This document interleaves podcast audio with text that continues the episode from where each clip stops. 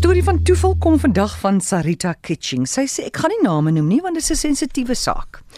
Sy sê die storie gaan oor 'n klein seentjie en sy suster, nog nie eers 2 jaar ouer of 2 jaar Skus tog. Hulle is nie ouer as 2 jaar nie basies. Hulle het onder moeilike omstandighede groot geword na hulle ouers se egskeiding. Die ma was 'n opgeleide vroedvrou en moes hulle tweetjies dikwels alleen tuis laat, selfs in die nag, om bevallings in die distrik te gaan waarneem. Sy het besluit om haar liewer aan hulle te vertel dat hulle pa dood is, as om te sê sy is geskei van hom omdat hy 'n alkolikus was. Die ma is toe later weer getroud en die seun het groot geword en hom as onderwyser bekwam, net soos sy stiefpa. Hy het egter nie baie lank in die onderwys gebly nie, want diep binne hom was daar maar altyd 'n hinkering om by boerdery betrokke te wees. So beland hy by die landbank en daar ontmoet hy 'n persoon, kom ons noem hom meneer A. Toe hy aan meneer A voorgestel word en die sy van hoor, wou hy dadelik weet of hy die seun van meneer X Y Z is. Meneer A word toe meegedeel dat hy wel die seun van XYZ is en dat sy pa dood is toe hy nog 'n klein seentjie was.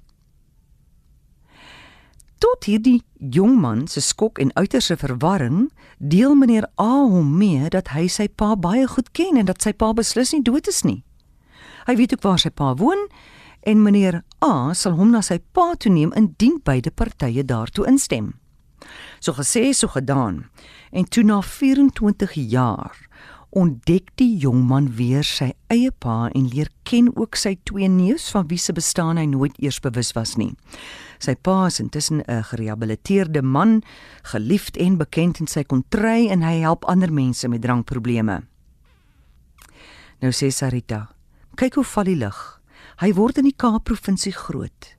Is aanvanklik in die onderwys maar as gevolg van sy hinkering om by boerdery betrokke te raak, gaan hy na die landbank, daai hinkering wat hy self nie kan verstaan nie.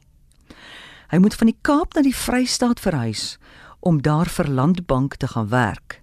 Dit is dan ook die provinsie waar sy pa hom bevind. Sy biologiese pa. Hy ontmoet spesifiek meneer A wat sy pa persoonlik ken en die word die sleutelfiguur wat sorg dat hy en sy eie pa weer herenig word.